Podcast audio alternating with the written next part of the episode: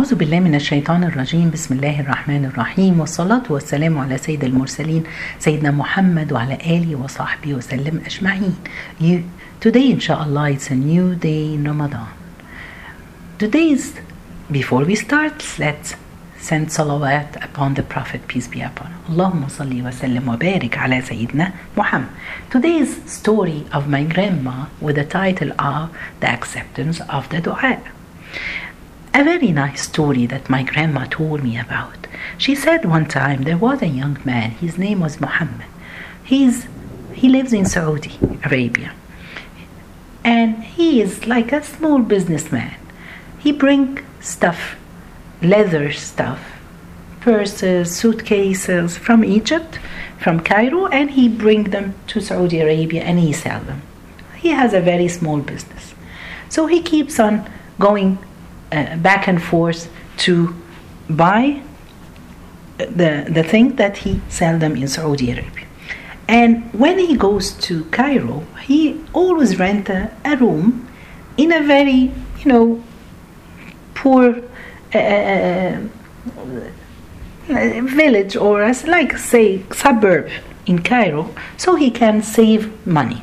He said that he got to know a, a young man a Sudani man, Sudanese, who lives up on the roof of the building where he rent his room.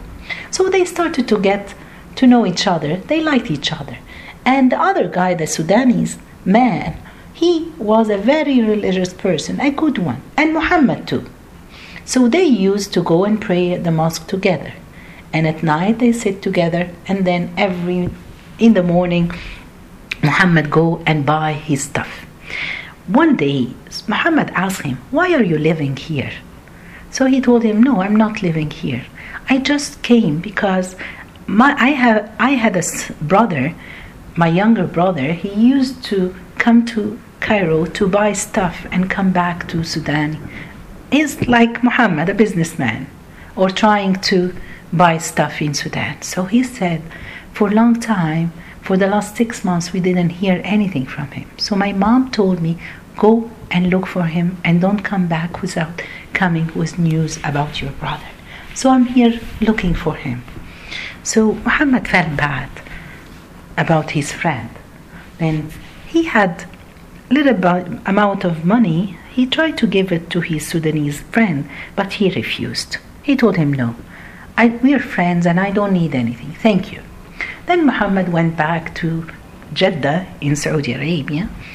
After two or three months, one day Muhammad said that one night um, I, I couldn't sleep at night. So I woke up and trying to get something to eat. Then I went to the kitchen. My mom, she was there. I asked her, "What's wrong, mommy? Why didn't you sleep?" She said, I don't know, I don't I cannot sleep. So they decided to sit together and just talk.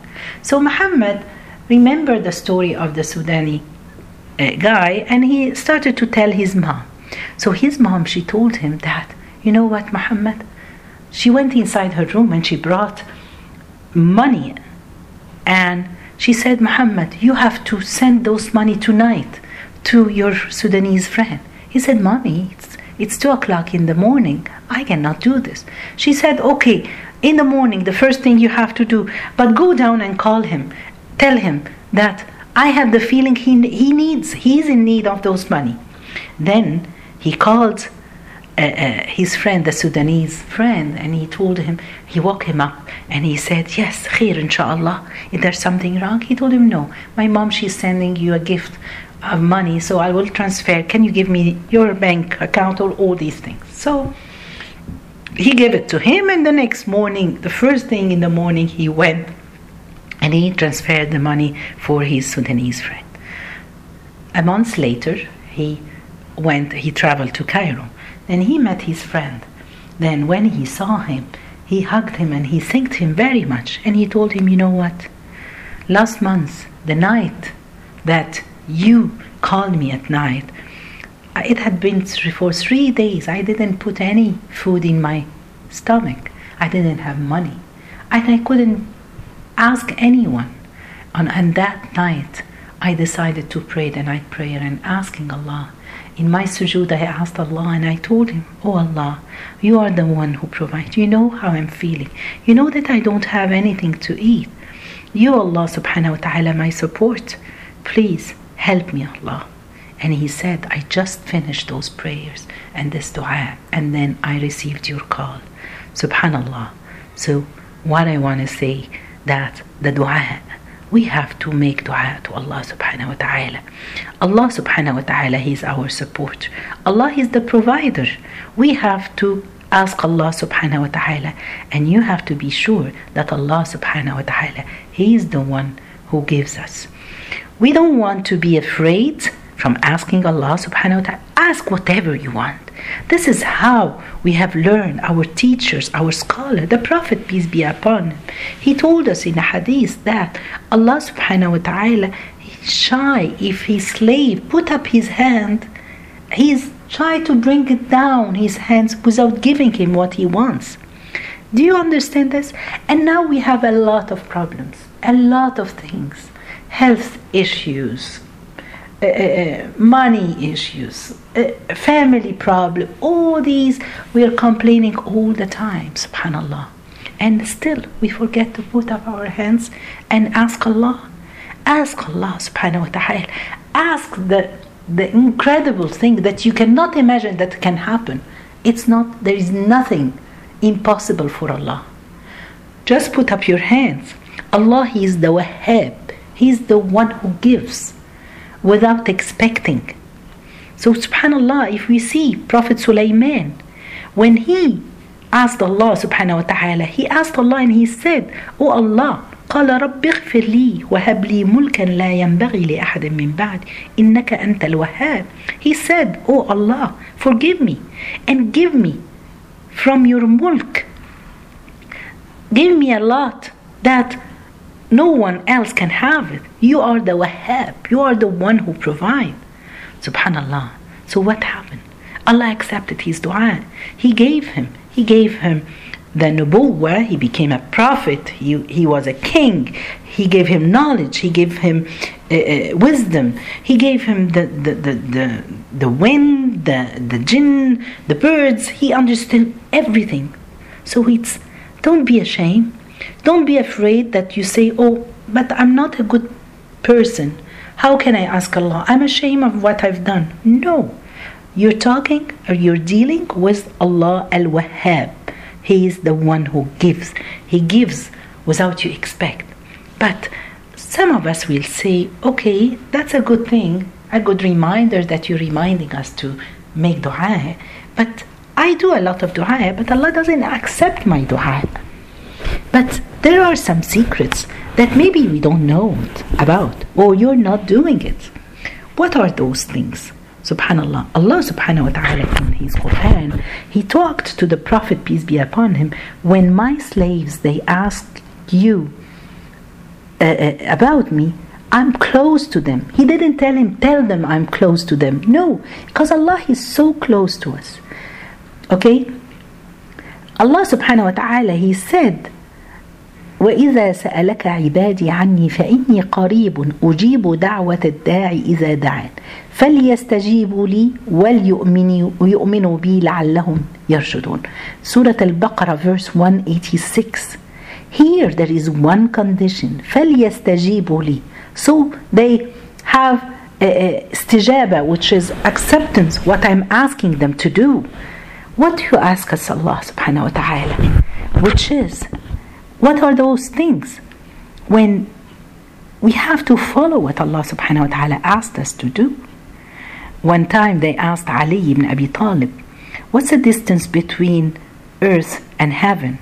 He said, Just a da'wah mustajaba, a dua that Allah will accept it. So, how can Allah accept? What do we have to do? What are the conditions that Allah will accept? Number one, show humbleness to Allah subhanahu wa ta'ala. Show him that you are poor. You don't have control. We don't have control in anything. He is the provider. He is the Razzaq. He is the Wahhab. And this is Prophet Yunus did it in his when he was in the tummy of the, the whale. Look at how La ilaha illa anta subhanak inni kuntu min al He admitted he did wrong and we do a lot of wrong things. Show him that you have no control in everything. You're going to Allah. Number two, show him that, subhanallah, uh, that I'm weak and I'm expecting everything comes from you. Bring your heart while you're making the dua. This is one of the major problems that we have with the dua. We keep on repeating the dua inside our prayer or outside our prayer, but where is your heart? Does it touch you? Do you feel or it's touch your tongue you're saying it? We have to feel the dua. You have to feel that I beg you Allah, I, I am in need for this Allah subhanahu wa ta'ala. And the next thing, do the good things. Start with good things so Allah will accept what you're doing. Subhanallah, we cannot just make dua all the time and we don't follow what Allah is asking us. We don't we don't do what Allah wants from us. And the last thing, be among those people that Allah said He accept their dua. While you're breaking your fast, remember we are in Ramadan, we are in the months of the miracles. Make dua. The companion they used to prepare some du'as just for the month of Ramadan. So keep on keep on asking Allah subhanahu wa ta'ala. Don't be among those people al-zalimin, don't be the oppressor. Be oppressed, it's okay, but not be oppressing. Don't oppress anyone. If you're traveling, that's the time. If you're praying the night prayer, that's the time Allah will accept it. So let's try, insist, go show Allah subhanahu wa ta'ala that you are in need of Allah. May Allah subhanahu wa ta'ala accept all our dua. May Allah subhanahu wa ta'ala make this Ramadan the best Ramadan ever. May Allah forgive all of us. May Allah accept our fasting inshallah. جزاكم الله خير. سبحانك اللهم بحمدك أشهد أن لا إله إلا أنت أستغفرك وأتوب إليك.